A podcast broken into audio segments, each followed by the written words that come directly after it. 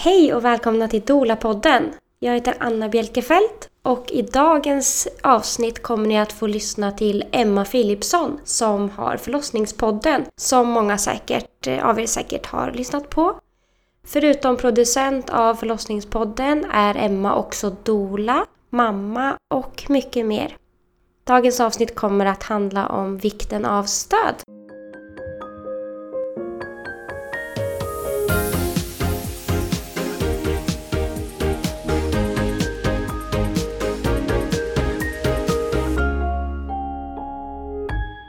Hej Emma, välkommen till Dola-podden. Tack. Kul att du är här. Tack. Emma är en väldigt ruttad poddare så att eh, det är lite nervöst att ha jag dig som precis det. Jag tänkte att du gäst. känner dig nervös. Ska- Jo, men lite. Du ska känna dig trygg. Ja, ja, men det gör jag. Emma har också fått hjälpa mig med eh, tekniken här för att eh, mickarna och programmet strulade lite. Men så kommer jag här som ett ljudproffs. Det är så skönt Ja. också att jag får känna mig som ett ljudproffs. Eller hur? Och det första Emma sa var vad skönt, jag slipper hålla på med tekniken idag. Inte. ja, eh, berätta vem du är och vad du sysslar med. Jag är Emma Philipsson och jag är huvudsakligen poddare nu för tiden. Jag började som huvudsakligen dola. Eh, och nu har jag små barn och en arbetssituation som gör att jag har svårare att dola. Så nu är jag mer poddare. Mm. Och så har jag förlossningsförberedande samtal och så har jag doula-utbildningen. Så det är liksom mitt, mitt yrke. Just det. Sen har jag två barn och en flickvän. Hur gamla är dina barn? De är två år och snart och eh, sex år. Mysigt. Mm. Berätta om den här doula-utbildningen som du håller i. Mm. Eh, har, det är tillsammans med Anna, Anna Talve som eh, har Din Gravid Coach, heter hennes företag. Och vi har utbildningar i, vi har haft utbildningar i huvudsak i Stockholm. Och nu ska vi även ha i Umeå i sommar, i juni. Kul att det kommer lite mer norrut. Ja men precis. Och jag tycker att det börjar hända lite saker norrut. Mm. Och jag tycker att det har hållit på ganska länge. Ja. Och så har vi tänkt att ja, men nu ska vi och försöka ta bort Stockholmscentreringen. Ja. Eh, och det är lättare sagt än gjort när man är företagare för det måste komma folk. Men, Mm. Så att Umeå och Skåne och Stockholm ska vi hålla på i vår, Ja. sommar. Hur kom ni i kontakt och hur kom ni in på det här? Anna var en av, jag ska inte säga en av mina första, men hon var en tidig poddgäst. Och så hade vi någon sorts sån själarnas gemenskap och sen har vi Mm. hållit kontakt och så var hon poddgäst igen och så, ja, vi har liksom hållit kontakt. Och sen hörde hon av sig och frågade och jag nappade på direkten. Okej. Hur länge har ni hållit på med de här utbildningarna? Åh, vilken bra fråga. Kan det vara ett, ett eller två år sedan? Mm. jag vet, minns Något inte. sånt. Ja, något Ja. sånt. Ja. Och hur länge har du hållit på med din podd? Podden började jag med, det kan jag svara på direkten, 2015. Ja. Våren 2015.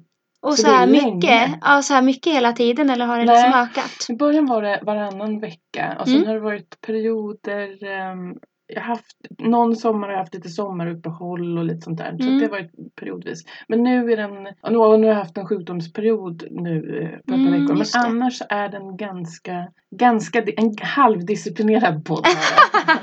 ja, det vet jag inte om jag håller med. Ganska disciplinerat. Eh, och eh, lite mer eh, uppstyrd än vad vi har hunnit. Vi sitter ju nu på yogapalatset i Bromma. En liten, liten, liten skrubb som är Fast det deras hör kök. till. Det tycker Ja. jag hör till och det tycker jag är det fina med poddandet. Mm. Att poddande är inte så fancy och Nej. så avancerat. Nej. Men många som kommer, nu spelar jag in i mitt vardagsrum Mm. och jag har ju då hållit på i fyra år. Eh, podd, det är det som är så fint med poddandet. Ja. Man behöver inte vara ett proffs Nej. eller ha dyra grejer eller sånt där. Utan Man kan vara lite var som helst Ja, också. och det tycker jag är det fina. Ja. Varför eh, blev du dola?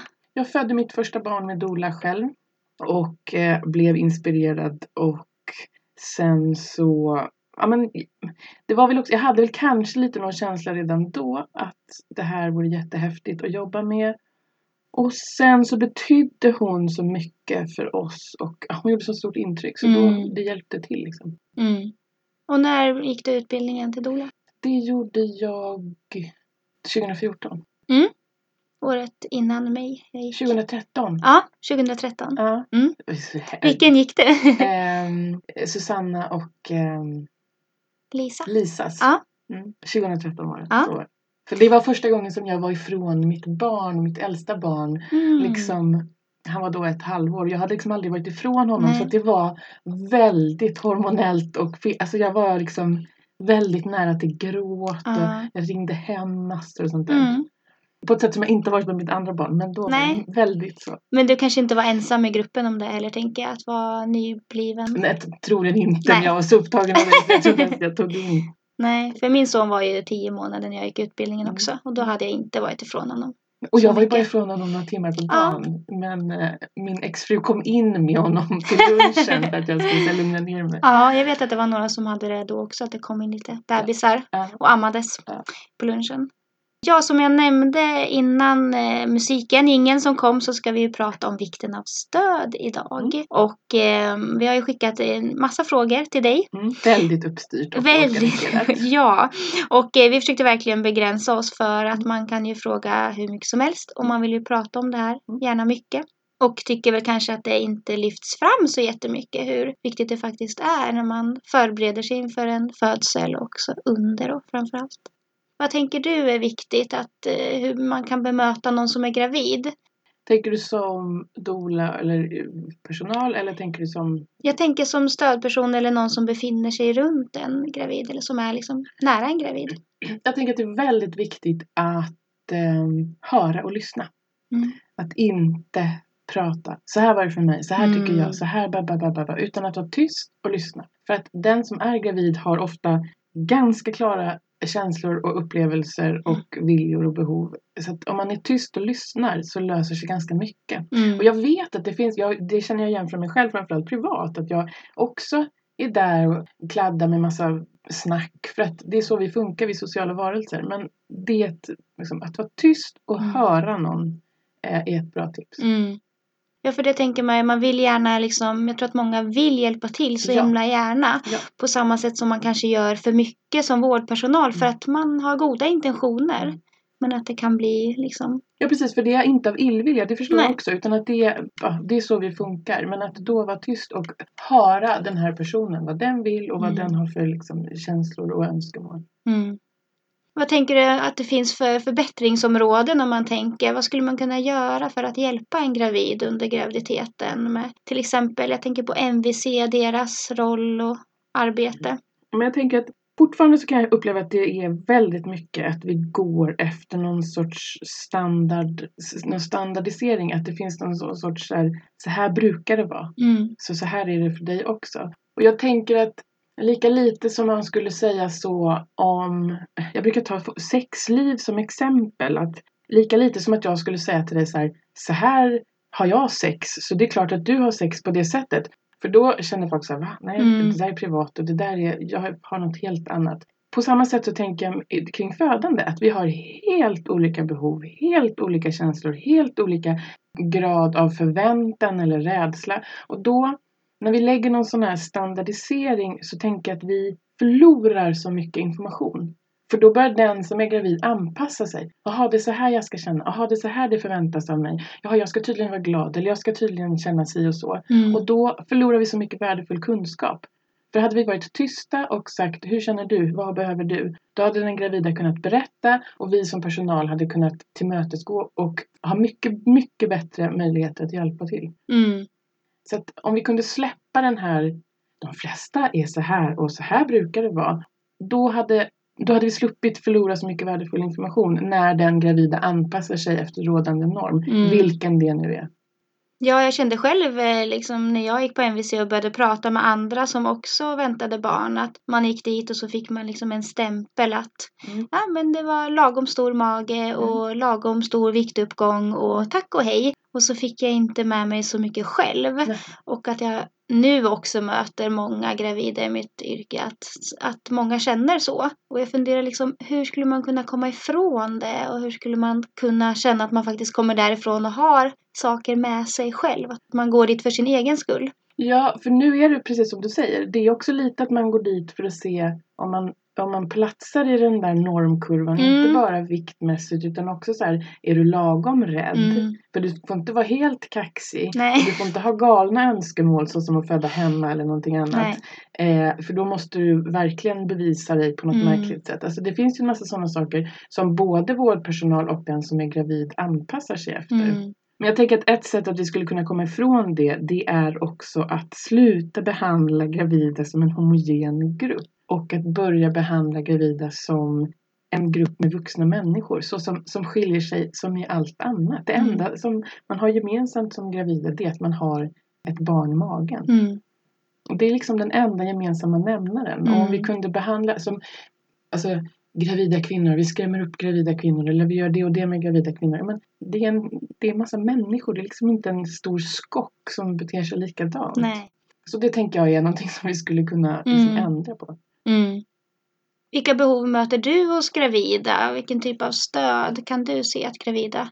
Om du till exempel får ett doula-uppdrag, kan du se liksom några saker som är lite mer vanliga att man Mm. behöver hjälp och stöd kring? Nu har jag dolat ganska många förlossningsrädda. Det har Mm. liksom blivit lite utav min eh, nisch eller vad jag ska säga.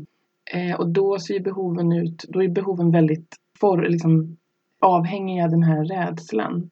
Men en sak som jag reagerade på när jag började dola var som jag inte hade räknat med. Det var att väldigt många också lite, som jag upplever vill ha stöd lite på grund av deras partner. Att de känner att de är osäkra på hur de kommer samarbeta med sin partner eller att de känner att deras partner är lite förlossningsrädd. Och så vill man inte riktigt nämna det eller benämna det eller man kanske inte har formulerat det för sig själv. Och det upplevde jag som, det hade jag inte väntat mig. Nej. Vilken typ av stöd kan man ge som doula till de här som är väldigt förlossningsrädda till exempel? Där är det också det här att lyssna och att höra. För att förlossningsrädd är det begreppet betyder så olika saker. På samma sätt som när folk säger jag har ett väldigt kontrollbehov. Då Mm. frågar jag alltid hur yttrar sig det? För att det, är, alltså det yttrar sig på så vitt skilda sätt. Mm. Så där brukar jag känna att det är lite samma sak. Att förlossningsrädd, det är så olika saker. Man kan vara rädd för barn, att det ska hända något med barnet, att det ska hända något med en själv. Man kan vara trygg att allt kommer gå bra för en själv och barnet men man är osäker på hur man själv ska reagera. Kommer man liksom tappa fattningen av smärta och sånt. Så beroende på vad det är, att verkligen höra var i rädslan består Mm. eh, och försöka lista ut hur den här personen behöver stöd. Vad är det för typ av stöd? Är det fysiskt? Är det psykiskt? Är det, ja. Ja, för det tycker jag att väldigt många säger att jag är kontrollmänniska. Jag Mm. tycker nästan nio av tio säger det. Ja. Och det är väldigt intressant i sig. Ja. Jag, jag skulle nästan säga att nästan 10 av 10 säger Mm. det. Och jag säger alltid, hur yttrar sig det? Mm. För att man tror att det är någon sorts här, att man ska få en klar bild. Och sen så när folk förklarar sig skiljer sig det jättemycket. Verkligen. Vad innebär kontrollbehov för dig? Mm. Säger jag alltid då. Ja. Jag brukar tycka att det kan vara bra att försöka rikta den här kontrollen mot någonting som man faktiskt kan Mm. kontrollera. Mm. Det brukar vara ett sätt att kunna släppa saker som man inte kan styra Mm. över. Och sen också putta över. Dels att få till någon sorts acceptans. Nu är det det här vi ska göra.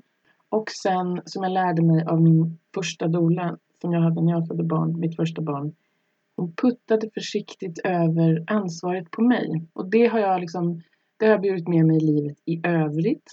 Men också verk, det var en sån aha-upplevelse för mig. Mm. Och det låter märkligt men jag tänkte liksom att det här, du är väl här för att liksom rädda mig. Och så puttade hon över ansvaret och var så här, fast det är du som ska föda det här barnet. Och jag tänkte, men va? Du, du, du ska ju hjälpa mig. Mm. Och tills jag d- långsamt, det fick gå upp för mig långsamt. Mm. Jag behövde mogna i det. Okej, det är jag som ska göra det här och det är ingen som behöver rädda mig från Nej. Då blev det också lite mer, mindre skrämmande tänker jag. Att när man kan acceptera det. Att säga okej, men hon litar på att jag kommer att föda det här barnet. Det blir någon slags tillit liksom. Ja, och, och också någon sorts ansvarstagande. Att jag slutade skjuta bort ansvaret. Ja, nyttigt. Mm. Och partnern då? Kan partnern behöva stöd under graviditeten? Jättemycket. Ja. Vilken typ av stöd då? Hur kan det yttra sig? Ja, men särskilt under graviditeten att jag tänker att det är eh, särskilt, och jag ska säga så här, jag tycker att det skiljer sig om det är första eller andra eller tredje graviditeten. Men om det är första graviditeten så är det ju också det här, allt fokus ligger på den som är gravid. Och det är två stycken som ska bli föräldrar. Och det är ganska svårt att stå i den skuggan. Inte för att man själv behöver fokus utan för att man behöver stöd ibland. Hur ska jag uttrycka att jag också tycker att det här är roligt eller det är spännande men det är också en stor sak. Var kommer mina frågor in? Var kommer min, hur ska jag veta vad som ska liksom, vad som förväntas av mig och vad, vilka behov som, som jag kan tillgodose liksom. Mm. Och jag kan uppleva att man flinar lite åt partners roll. Det är inte du som ska göra det här. Ja. Särskilt om det är en manlig partner. Och jag blir alltså arg då. För att Mm. det är två stycken som ska bli föräldrar. Man måste ha, va, behandla det med respekt och varsamhet. Mm. Ja, jag har väldigt sällan mött att man frågar partnern hur känner du inför att bli förälder och att partnern får ta den platsen Mm. också. Då blir det ju liksom inte riktigt det här, den här självreflektionen om man aldrig får de frågorna. Och det är svårt att ta plats om ingen ger, alltså om ingen säger så här, vad, vad bra att du är här, för du är också viktig i det här. Mm. Och sen så kan jag uppleva att det har, när jag och min exfru gick igenom två graviditeter tillsammans så upplevde jag att hon fick mer frågor och mer plats i och med att hon var, var kvinna. Och Det är väldigt intressant. och, och jag har inte fått barn med en man eh, nu ska, ska man påminna sig om. Men däremot så har jag ju varit med par och vet hur de har reagerat. Och jag tyckte att min partner fick mer plats och fick vara så som varandes kvinna. Att då var det plötsligt mer inbjudande. Mm. Trots att hon inte var gravid. Mm. Det är bara en reflektion. Men jag har Mm. tänkt på det. Ja, det kan man ju verkligen eh, spekulera kring. Mm. Att eh, ja, men om man förväntar sig att en man inte ska kunna tänka kring de här sakerna och reflektera Mm. kring det här eh, just för att han är man. Mm. Eh, och att då ger man ju inte det tillfället och då fostras ju man på ett annat sätt. Precis, Så. och att det är svårt att ta ansvaret när ingen är villig att se ens liksom, betydelse och funktion. Exakt. Så att, ja, just det här att det är två stycken som ska bli föräldrar, i de fall det är två stycken. Men Mm. Jag har funderat lite kring det här med vad jag upplever som är lite typiskt svenskt. Mm. Att man tänker att man ska klara sig själv och inte be om hjälp. Och tänker egentligen både graviditeten och postpartumtiden när man är hemma med bebis. Men också förlossningen. Att man kan säga nej men jag vill göra det här själv med min partner. Det är viktigt att, att vi gör det här själva. Har du nu är någon det ingen som tanke ser kring att jag det? ler, eh, men det gör jag. Ja, jag har jättemycket tankar kring det. Dels den här, eh, jag brukar säga att ja, men det här är någonting som, när folk säger att ja, men det här vill, vi vill göra det här själva, vi vill inte ha med oss en främling. Eh, alltså gentemot huruvida man vill ha med en doula eller inte. Och doula är inte för alla, det, det vet jag. Men, men idén om att man A skulle, skulle vara själv och inte ha någon främling där. För att oftast så känner man inte sina barnmorskor Nej. undersköterskor. Och B, de flesta vill ju ha sällskap. Och tycker att det är fantastiskt med sällskap. Och en doula har man ju träffat innan och tycker är mindre främling Ja. än, än eh, annan personal. Så att, ja, det är, den, det är den första tanken. Men alltså, jag tänker också att det är lite så Många ser födande som någon sorts bondinggrej mellan par. Att det ska snurra dem tillsammans och de ska göra det här tillsammans. Och det förstår jag, men för att kunna göra det tillsammans på samma sätt som att man, de flesta som föder vill ha en barnmorska med sig så vill, alltså det stödet välkomnar man ju och då tänker jag att det behövs för att det ska kunna bli en fin sak mellan två människor och stöd är jätteviktigt. Och hjälp. Också det här att man inte vill be om hjälp, alltså det har väl också med att göra att födande har blivit, eller jag vet inte om det alltid har varit det, men det är väl för många en prestation. Ja. Och jag tror för många att det är en oönskad prestation, för jag tror inte att man vill känna att det är en prestation. Men man faller in i det ändå. Och då är det klart att då, då är det ju reglerat hur mycket hjälp man får be om. Om det dessutom gäller att vara duktig eller att bevisa något eller ja, vad det nu är. Mm. Ja, för någon grej som jag alltid brukar återkomma till det är liksom att min upplevelse är att man inte kan ha för mycket stöd Nej. under en förlossning. Och jag hade ju inte en doula när jag födde för jag hade inte koll på att det ens fanns. Och hade en jättehäftig upplevelse men jag skulle ändå vilja ha en doula nästa gång just för att det finns liksom alltid saker att göra kring Mm. en som föder barn. Mm. Och bara att känna att man också har faktiskt valt någon Mm. som är där.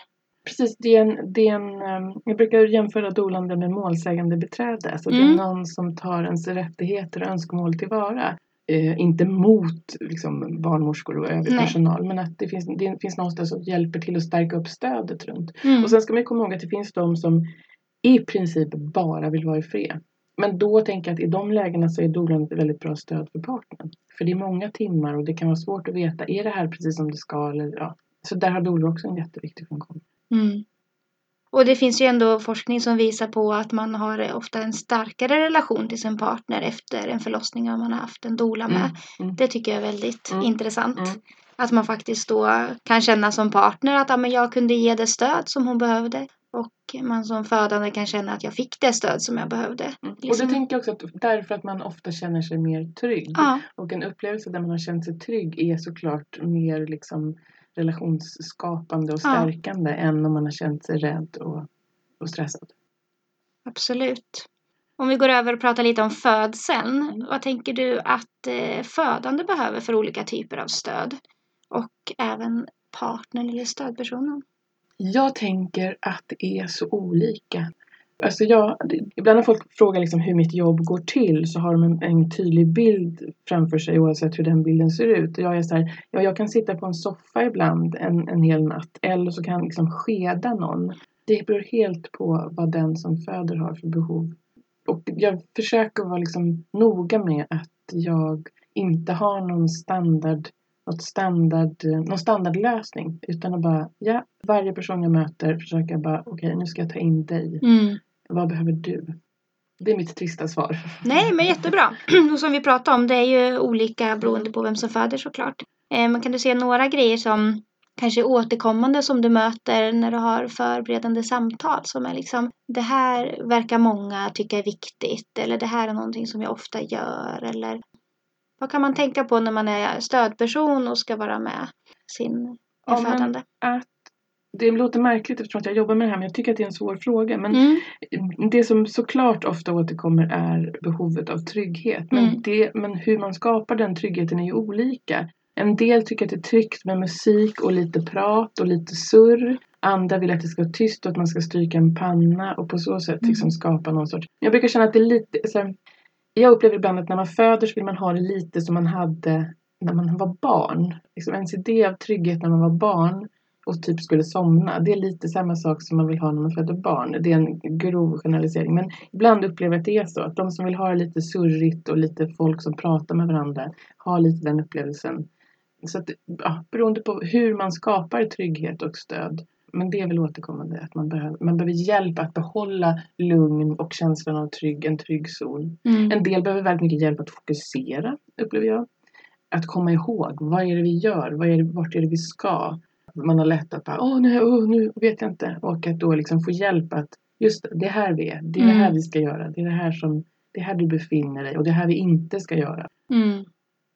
Så det handlar egentligen ganska mycket om förberedelsen tänker jag. Att man så får prata med den som ska föda. Hur, Mm. Vad är viktigt för dig och inte ha några. De här svaren brukar det vara liksom. Och det här brukar funka. Och sen tycker jag också vi i församtal så tycker jag att man lär sig mycket om hur deras relation funkar i den, i, när det är ett, ett par eller en stödperson. Hur de liksom är tillsammans. Hur deras relation funkar. För den, den skiljer sig såklart som alla andra relationer. Och då, där tycker jag att jag får en liksom ingång till var kan jag platsa i den här liksom, hur ska jag kunna vara ett stöd så att de två hittar varandra och liksom, vad behöver de Mm. som jag har nytta av när det väl är dags. Mm. Om, det liksom, om du nämner några saker som en doula brukar göra. Nu var det lite så att det är väldigt olika. Mm. Men vad brukar du göra ofta under en förlossning? Eller vad, hur ser ditt arbete ut? Du nämnde lite det här med att sitta på en soffa eller skeda. Men Mm.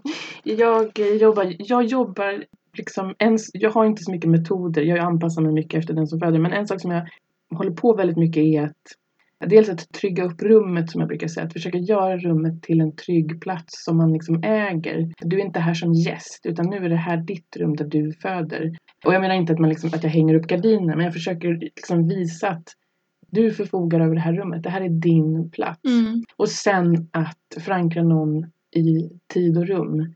Mycket ögonkontakt jobbar Mm. med. Här är vi. Här är du och jag och här är vi trygga. Eh, både med den som föder och med partnern. hur kan det se ut det här när du vill göra ett tryggt rum? Vad kan det innebära? Dels att man rör sig i rum, inte oj, kan jag ställa ner den här här eller fanns det vatten här eller utan att man försöker visa att så här, det här är vårt rum och liksom placera sakerna och placera partnern om det liksom är någon viloperiod. Att liksom försöka göra så att de känner att ja, det här är ert rum. Vi behöver inte tassa på tå här och vi behöver inte oj, kan jag ställa den här kannan här eller ja, utan visa att det här, vi, vi, vi, det här är vårt rum. Det tycker jag många blir så förvånade när man pratar kring det här på församtalet. Att Mm. de så här, jaha, kan man tänka så? Och Mm. att det Mm. blir liksom en annan känsla när man väl kommer till sjukhuset. Mm. Att så här, man är ändå, man är under deras tak men inte liksom under någon slags makt eller som gäst som du säger. Utan att man ändå kan bestämma allting själv. Och, Och det, för det är en väldigt, väldigt eh, nackdel. Och vi som vet att verkar ofta stannar av när man kommer in. Jag tänker att det finns ingenting som tydliggör bättre hur mycket man känner sig som en gäst på en otrygg plats. Verkligen. Och om man då så snabbt som möjligt kan få tillbaka känslan av att det här är ja, men lite som ett hotellrum. Att man liksom, jag äger det här rummet just nu och jag får göra som jag vill. Eh, att man försöker snabbt plantera den känslan. Hur man nu gör det beroende på hur rummet ser ut och beroende på, alltså sen vet jag folk som har hängt upp gardiner och sånt. Mm. Jag har en kollega som har gjort det. Men, men hur man än gör, vad man än har för behov liksom. Och att man kan ta med sig saker själv Ja. som man gillar. Precis. Eller... Och där i tänker jag att musik fyller den. För de som vill föda med musik så är ju det ett sätt att snabbt fylla rummet bokstavligen med någonting som man själv har valt och som känns tryggt. De som arbetar med födande, jag tänker framförallt de på sjukhuset. Vad tänker du liksom är viktigt från deras sida att tänka på när det kommer in en som ska föda?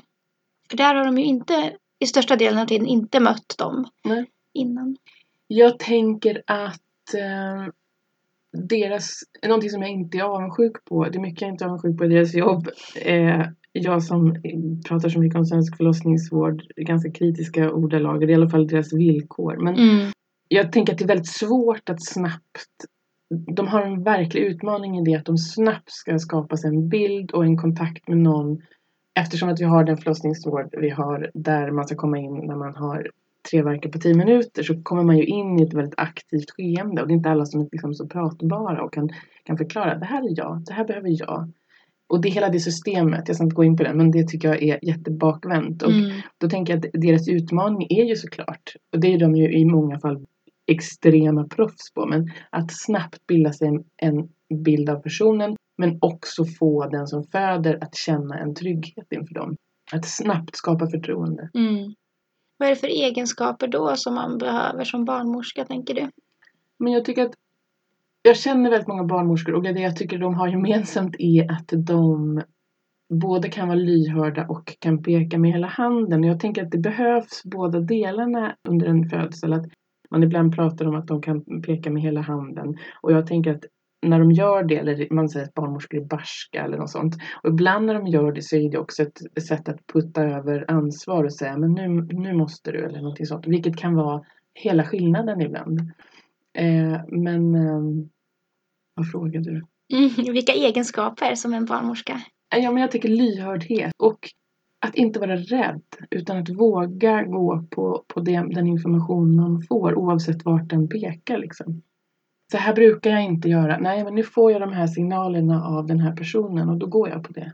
Och sen så, alltså, alltså för det gäller alla vi som jobbar med födande, att snabbt, okej, nu var jag ute och cyklade, Eh, hatten av eller på sig, men okej, då reviderar jag, då gör jag om, sorry, Mm. det blev fel. För det är ju en del av vårt jobb, att det är skarpt läge när någon föder barn och vi måste anpassa oss. Och Mm. det spelar ingen roll om jag tänkte att det var så här vi skulle göra. Märker jag att det funkar inte, då måste man snabbt bara kunna byta. Utan att ha någon sorts prestige eller ja. Nej, det tänker jag med. För ibland kan det ju vara att man måste göra på ett visst sätt för att situationen kräver det. Mm. Men ibland också att barnmorskor kan komma in efteråt och ta upp det lite så här smidigt med de nyförlösta. Att, Mm. ja, men hur kändes det att det blev så här? Och jag vet att du inte önskade det här. Hur känns det kring det nu? Att man vågar liksom erkänna att okej, vi gick emot ditt förlossningsbrev, men det fanns en anledning och att vi förstår att det här kanske inte känns jättebra. Så tänker jag i mitt jobb som poddare så har jag en väldig lyx i, jag har lärt mig mer av min podd nästan än av mitt dolan, alltså om dolande nästan än mina dolarerfarenheter. Och det just därför att jag sitter tyst och lyssnar. Och jag känner ibland att de som ehm, en sak som jag ofta tänker som återkommer det är behovet av att förankra beslut så att de görs med en och inte mot en. Att man själv får vara med på tåget i beslut. Det är inte alltid det hinns med men om, så långt det är möjligt. Så att man själv känner att man har varit med om beslutet kring den där interventionen eller den där, liksom, den där kejsarfödseln som man absolut inte ville. Men om man får vara med, det beror på det här och det här och vi tänker att ja, jo men det, ja, men det vill jag. Då har man så, vunnit så otroligt mycket än om man bara rullar iväg någon och säger så det här blir det bästa. Och ibland, alltså vi vet som jobbar med det här att ibland blir det så. Eh, och det är inte för att någon är dum, men i de, så långt det bara går att förankra beslut hos den som är med om det så att den får känna att okej, jag var med om det här beslutet. Det gjordes inte mot mig utan jag var med i det här. Ja, för det är lite nästa fråga som är det som är lite tvärt emot. Vad det är som kan gå fel när man stöttar en som föder. Vad är det som kan göra att man kanske inte känner sig trygg och vilka problem man kan se i den stödjande delen. Och det är bland annat det som du nämnde tänker jag verkligen att man ska känna att man är delaktig i de beslut som tas Mm. och är med på det. Det är ju en jätteviktig del för Mm. att känna sig trygg Mm. såklart. Och också att man kan det är mycket lättare att efteråt acceptera det som har hänt. Om det blir en stor sorg så är det så mycket lättare att eh, vi hade någon i podden som nyligen berättade att hon hörde, hon ville inte åka upp på operation och så sa de så här var tyst nu och lyssna. Och så hörde hon hur det droppade blod ner på golvet. Och då sa de, vi behöver, du behöver rullas upp och sys därför att du förlorar väldigt mycket blod. Och då var det mycket lättare för henne, den här avnavlingen eller vad det var som var Just så det, viktigt. det lyssnar jag på. Mm. Och då kunde hon känna att, ah, såklart. Och då var det så otroligt mycket lättare att bara, ja men ja, jag förstår. Än om någon bara hade, du måste rullas upp på operation, bu, bu, bu, bu, bu. Och så hinner inte kropp och själ med liksom.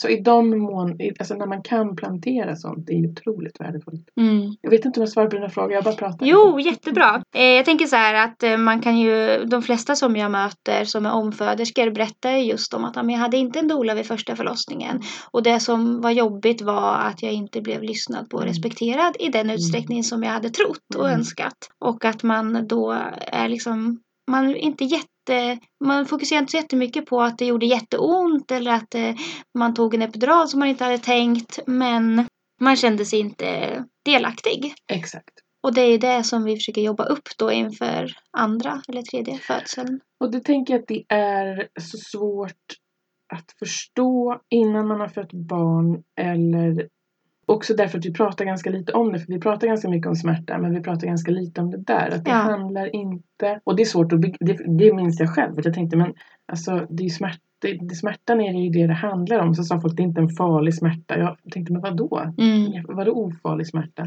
Men just det här att eh, utsattheten när man föder, den är svår att förstå.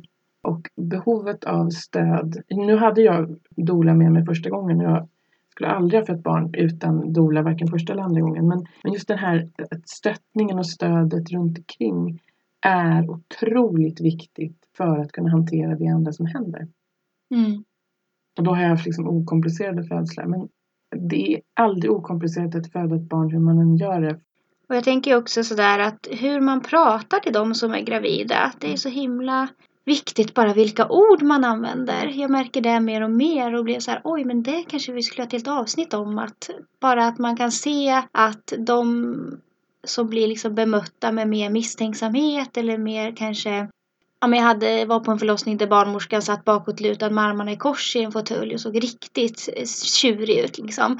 Och mammans verkar stannade av för att hon kände sig hotad av den här barnmorskan. Och att när det kommer in en barnmorska kanske eller någon och säger att men dina verkar är lite svaga just nu. Då blir inte verkarna starkare direkt. Så det är liksom vikten av vilka ord man använder att man också kan se att det faktiskt påverkar förlossningsförloppet. Det tycker jag är Jag hade- superintressant. En poddgäst som berättade att hon, som hade en väldigt långdragen födsel som hon upplevde som väldigt tufft. Och hon sa att jag under hur många timmar det nu var, så att det var 30-38 timmar. Hon sa man tittade på mig med medlidande och liksom ihopskrynklat ansikte. Och sen precis på slutet så hade någon kommit in och varit glad och härlig. Och hon är en väldigt glad och härlig person själv. Och det hade liksom betytt, hon, hon pratade om det där jättemycket, hur mycket det hade betytt. Och då kände jag själv också att oh oh, för det är det man lär sig så mycket. Tänkte jag, oj jag kanske också står sådär, är det jobbigt nu? Och speglar det Ja. jättemycket liksom. Ja. Mm. Och hon sa, det behövde inte jag. Där Nej. var jag redan själv. Mm. Jag behövde någon som kom in och var sådär, ja men som när barnmorskorna kommer in och säger, nu ska det bli barn. Ja. Och hela liksom, energin i rummet ändras efter ett skiftbyte. Mm. Den energin vill man ju ge till den som föder. Ja. Jag tycker sen jag har märkt de här grejerna att det kan påverka så blir det ännu mer att man tänker som doula var hur man pratar kring saker både innan och under Mm. födseln. Att det är så lätt att man, man tänker att det här eh, har hon nytta av att ha med sig men det kanske inte är just precis det. Och den här speglingen som kan vara jättebra men som man också får vara försiktig med att kanske inte alltid kopiera det den andra uttrycker. Ja, och sen att somliga blir trygga av att prata om det värsta som kan hända eller den fruktansvärda smärtan eller att om det skulle bli en sfinkterruptur, bla bla bla. Men andra är väldigt tydliga med att de inte har hört talas om det och att Nej. man inte kommer och bänder upp vilket beslut de än har fattat eller hur de än är som personer. Utan att man, liksom, om, om man inte liksom känner att det här är någon som verkligen undviker någonting som inte, som inte ska undvikas. Men, men om man känner att någon är trygg i sin, så här funkar jag. Jag vill helst förbereda mig på det värsta som finns. Att man, ja men okej, då gör vi det. Eller någon kommer och här, ja men jag, det där är inte för mig. Jag vill tänka positivt och jag vill inte höra om det där. Att man liksom följer med i det och Mm. tänker, ja men den här, det här är en vuxen människa som känner sig själv och vet, så här funkar jag bäst. Mm. Även om jag som privatperson kan känna, oj oj, så Mm. där skulle inte jag ha gjort. Eller vad man nu liksom tänker. Att man bara, okej, Mm. då går vi med det. Jag tänker på det när vi har en sån här församtalsmall som vi fyller i när vi har det ena församtalet och då kan jag märka ibland så här, ja men de här har inte jag fyllt i svaren på. Då bara, nej men så får det vara för det här var inte viktigt för den här personen Nej. att prata om och då är det bara att lämna det. Men jag tycker att du sa så bra i något avsnitt där du pratade om det här med stöd och att bemöta att, eh, vad var det du sa någonting med att man kan aldrig veta hur den andra upplevde någonting och den kan berätta en historia och att man då inte själv intuitivt svara med åh nej vad jobbigt eller åh wow vad häftigt. För att upplevelsen kanske inte stämmer överens med det som hände och vad man kände. Jag försöker att aldrig uttala mig om, jag kan ju sitta i en intervju och någon har pratat om liksom en sfinkterruptur och det ena med det fjärde och jag tänker så här, oj vilken tuff födsel. Och den här personen avslutar med att säga så här, ja men det var helt fantastiskt och jag kan inte vänta på att jag ska få föda nästa barn. Och det, dels det och sen så, om man, den, alltså jag har lärt mig den hårda vägen att just hur man pratar kring att det, det jag direkt instinktivt tänker att okej det här är si och så är någonting helt annat. Även som privatperson. Och jag kan jag ibland känna, åh fy, oj vad mycket misstag jag har gjort. eh, ja. och, eh, inte, eller när man står och babblar när man möter någon på, Mm. när man ska hämta från förskolan att man liksom babb, liksom så Ja. bara. Och man menar ju ingenting illa men Nej. att det, men jag har verkligen lärt mig att aldrig beskriva någons födsel. Eh, och att aldrig utgå ifrån Jo, men vad jag skulle, vad jag skulle säga förut var att jag har haft födslar när man har fött hemma. Eh, oplanerat. Eh, eller någon som födde på en parkbänk eh, i december. Och eh, innan ambulansen hann komma. Och sen så kom den och ja. Och personalen när de kom in var åh vad häftigt eller ja, alla var uppfyllda av det här hur fort det hade gått och hur bra det hade gått. Men den som hade fött hade en helt annan känsla. Och då tänker jag också att det är så lätt att man sveps med i vad bra det gick så fort eller vad jobbigt det tog så lång tid. Men att man har ingen aning om vad som har hänt under den här tiden. Så att man måste hålla tillbaks sin vilja att bara "Åh, Mm. wow eller åh fy vad hemskt. För det vet man ingenting om. Nej.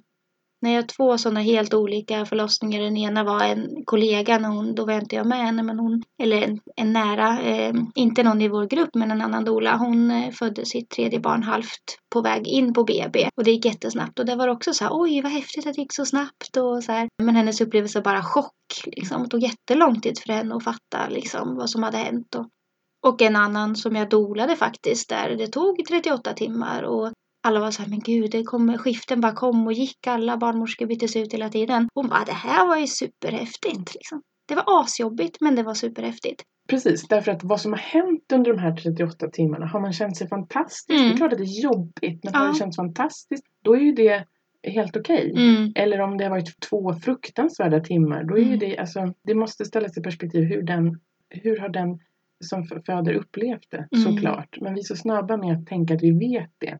Jag tycker det är ganska bra att ha med sig i vardagliga livet också. Ja. Att det är så lätt som du säger när man babblar med någon när man hämtar Ja. på förskolan. Eller att man, om man pratar med sina föräldrar eller syskon som man har väldigt avslappnad och nära relation till. Att det blir ganska lätt så här. Det kan uppfattas som lite dömande när man säger hit och dit än vad man själv tycker om någonting som man hör. Och ofta kan jag uppleva att särskilt när jag säger saker för att liksom bekräfta den Mm. jag möter, då liksom trampar jag mest i klaveret. Eller som folk säger till mig, för då, det har jag märkt nu med, mitt, med mina barn som har två mammor. Då säger folk till mig så här, ja, på vår förskola går det också ett barn som har två mammor. Och det förstår jag, det säger man ju för att liksom säga så här, så det är okej. Ja, precis, det är inte så ovanligt. konstigt. Nej. Och jag är så här, ja, men jag Mm. vet det här är mitt liv, jag lever det här livet varje dag. Ja. Men jag förstår ju varför man säger det. Och jag tar inte illa vid mig, men jag börjar tänka på det nu. Att, Mm. vad, är det, man- vad är det man egentligen säger? Jo, man säger så här, oroa dig inte, det är inget konstigt. Nej, precis. Det är Vilket i normalt. sig är ett sätt att säga så här, jag Ja. behöver säga att det inte är något konstigt. Mm.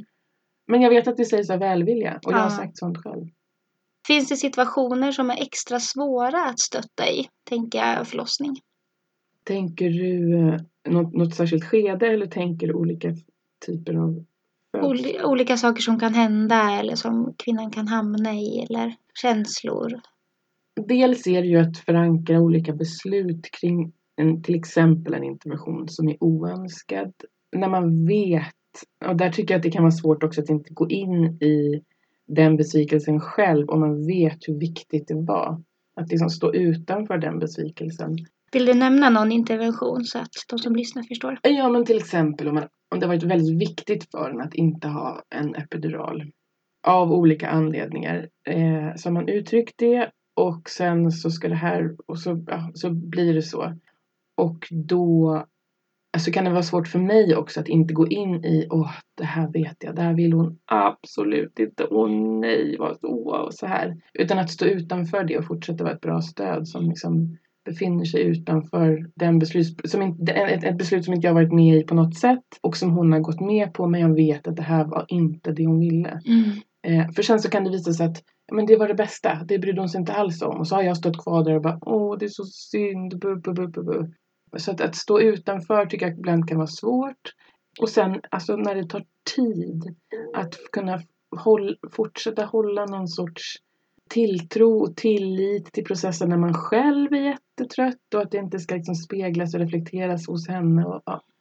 eh, det tycker jag kan vara utmanande. Mm.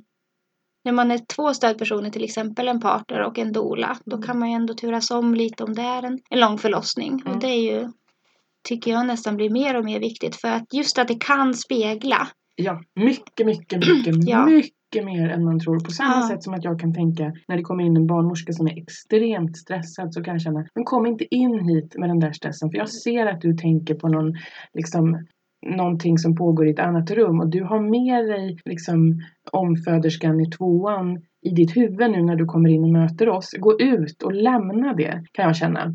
Och sen så sitter jag och är precis, gör precis samma sak själv. Att jag är Mm. inne i att åh det här är ett långdraget förlopp eller åh jag är trött eller vad det nu är. Och det är precis samma sak.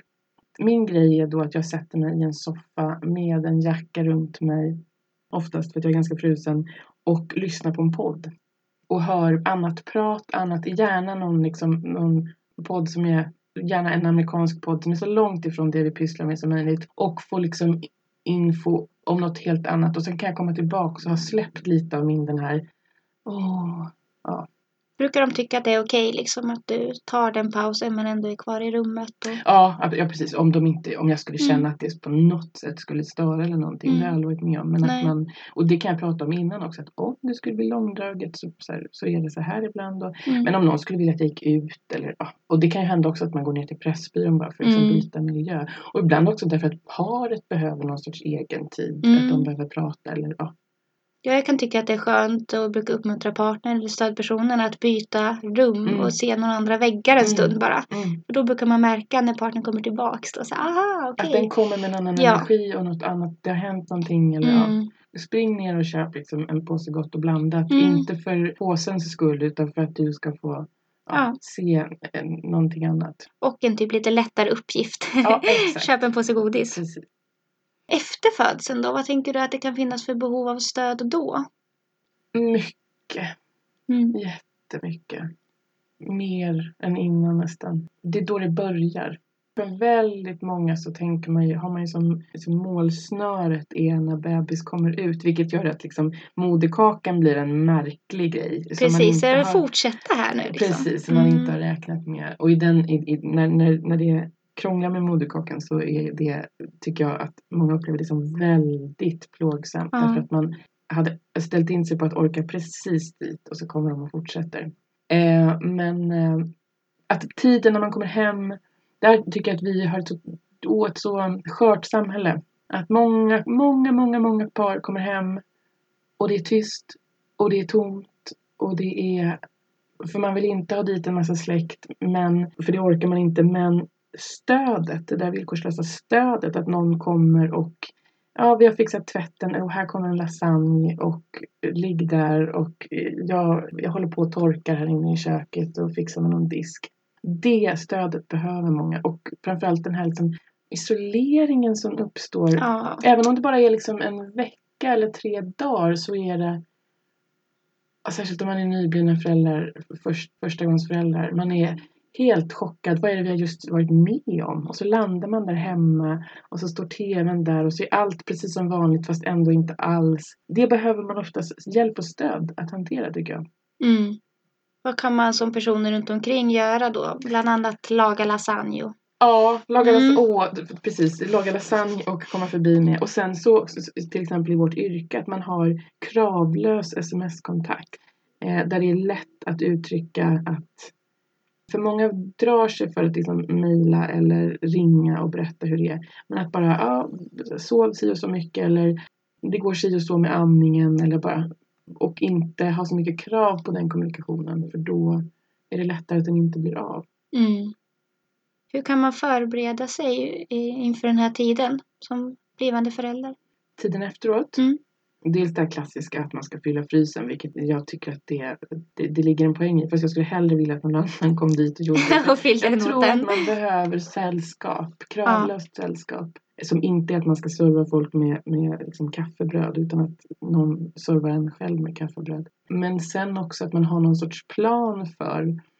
Eh, med mitt andra barn så hade jag själv ordnat jätte liksom, noga för att vi hade ett barn som sov väldigt lite och skrek väldigt mycket första gången. Så nu hade vi ordnat så sovplatser på olika våningar i vårt hus och verkligen riggat upp för eh, någonting som vi tyckte var jobbigt första gången. Och jag menar inte att man ska göra så men att man ska liksom försöka anpassa vad kommer vi kunna behöva om, om vi behöver mer stöd. Finns det någon vi kan ringa? Eh, att man pratar med sin, med sin omgivning innan och säger om det blir jobbigt kan vi ringa dig? Kan ni komma över och göra det här och här? Alltså att man liksom förankrar det här behovet av stöd Eftersom att vi nu inte har en kultur där det är liksom standard att man kommer förbi och gör saker som det är i många andra kulturer. Eh, utan man förankrar det här hos vänner och bekanta. Att nu ska vi få barn.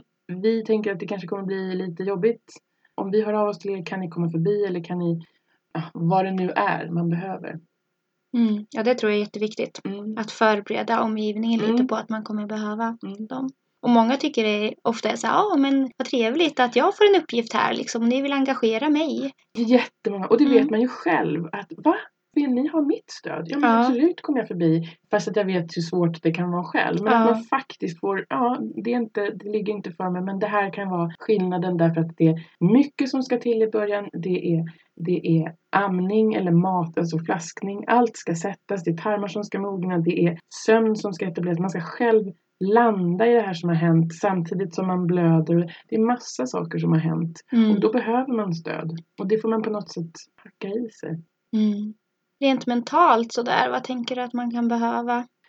Det här är också beroende på hur man är lagd. Men man måste inte vara lycklig när man precis har fått barn.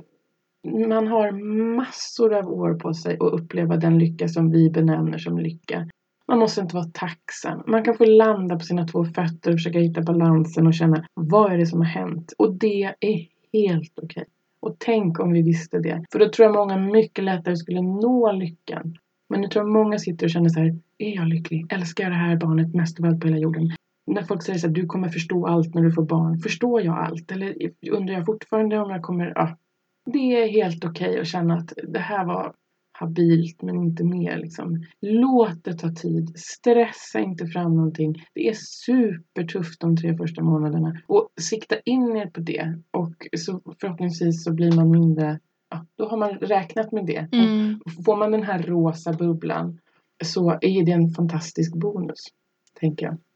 Men just det här lyckokravet som vi lever med. Åh, vad jag önskar att folk släppte det. Ni måste inte vara lyckliga. Det kommer. Mm. Det, det, det kommer från massa år av lycka. Mm. Låt de där första tre månaderna få vara liksom något annat. Låt Mm. er få landa i det här. Vill många prata om sin förlossning direkt efter? Vad upplever du? Ja, Jag upplever ibland att folk har varit i en torktumlare och sen så kastats ut och så står de och bara Vad var det som hände? Så går man igenom det flera gånger och i olika faser och så. Eh, ja, det upplever jag. Mm. I podden så är det en regel att man inte får komma mm, Det måste ha gått minst fyra, helst sex månader efter ens födsel innan man är med i podden. Därför att ens berättelse förändras så mycket. I början är man väldigt lojal med sin födsel och känner att man måste liksom hålla den om ryggen. Och det, om min mage kurrar. Det är lite lunchtid nu, klockan Ja. är halv ett. Ja. Ja, men folk känner att de måste vara lojala med sin födsel. Och det tänker jag är, ens födsel måste inte hållas om ryggen. Nej. den får stå på egna ben. Och Ja. man kan, då kan man, har man lättare att förhålla sig till den. Vilken typ av stöd kan en doula ge efter förlossningen? Ja, men dels att vara där, men jag tänker att det, där, är det, där har man ett viktigt jobb i församtal. Att försöka påminna om det här. För jag vet att framförallt när jag väntade mitt första barn, att tiden efteråt var jag helt ointresserad av att prata om nästan. För att jag var så här, men allt handlar om den här födseln. Så att dels att man har ett stort ansvar på församtal att nämna det här. Försiktigt liksom att har ni någon tanke kring vad har ni för förväntningar på den här tiden? Men sen att finnas där och min, min strategi är att tills vi har eftersamtalen att ha väldigt kravlös sms-kontakt. Mm. Och vad kan det innebära?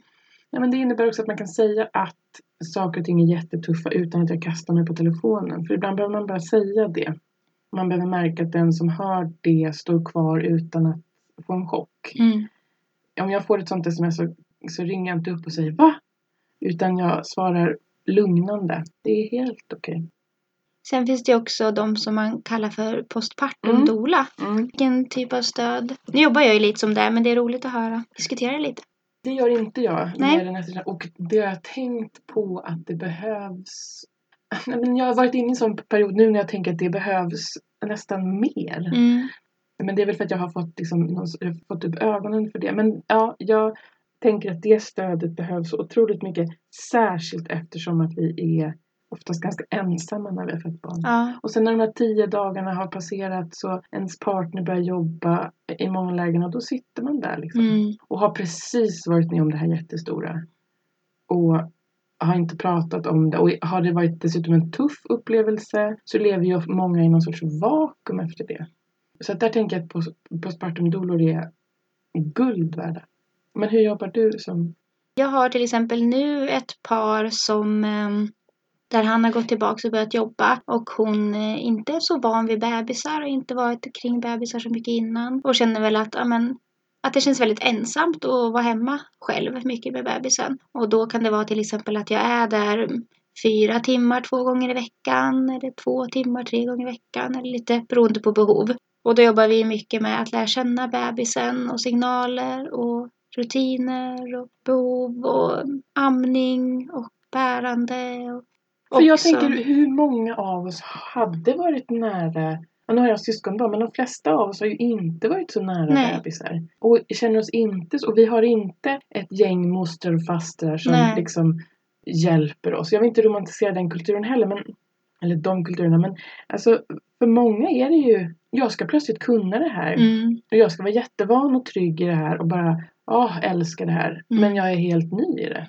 Ja, jag önskar att det här var någonting som erbjöds Mm. till alla Ja. nyförlösta. Det hade varit så fint för det, det blir lite fel det här att det är för de som har råd Mm. att anställa. Det är ju gisslet med hela vårt Ja, jobb. verkligen. Eh, men sen också att det kan vara till exempel att eh, man har sovit väldigt dåligt och då kan postpartumdolan ta bebisen ett par timmar och gå ut i vagnen kanske eller Mm. värsjal och hjälpa till med vad man kan äta för att liksom man behöver väldigt mycket näringsrik mat efter en förlossning. Mm. Postpartumtiden och det är någonting som man kanske inte prioriterar eller tänker på när man kanske matar hela dagarna. Mm. Precis, för den lilla, lilla tid som man har över ställer man sig ju sällan och liksom... Storkok. Nej, Nej.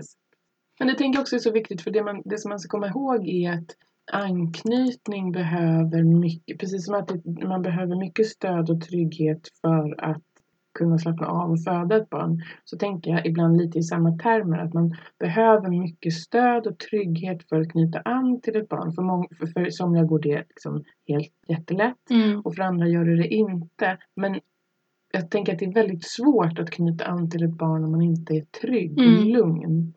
Jättemycket handlar det om att bekräfta Mm. att liksom det där ser bra ut, det verkar Mm. funka bra och Mm. liksom ge alternativ om det är någonting som inte känns bra för Mm. föräldrarna.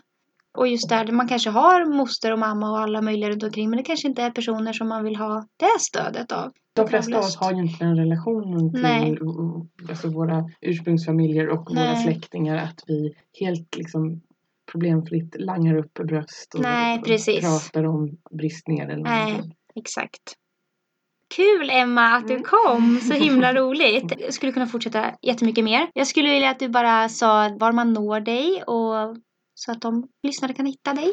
Mig når man eh, antingen om man vill mejla mig så når man mig på forlossningspodden gmail.com. Vill man se bilder från mitt fantastiskt spännande och glamorösa liv så gör man det på Instagram på förlossningspodden. Ja. Och förlossningspodden hittar man. Överallt där man hittar poddar. Perfekt. Tack för att du kom och gästade oss. Tack så jättemycket för att du fick komma.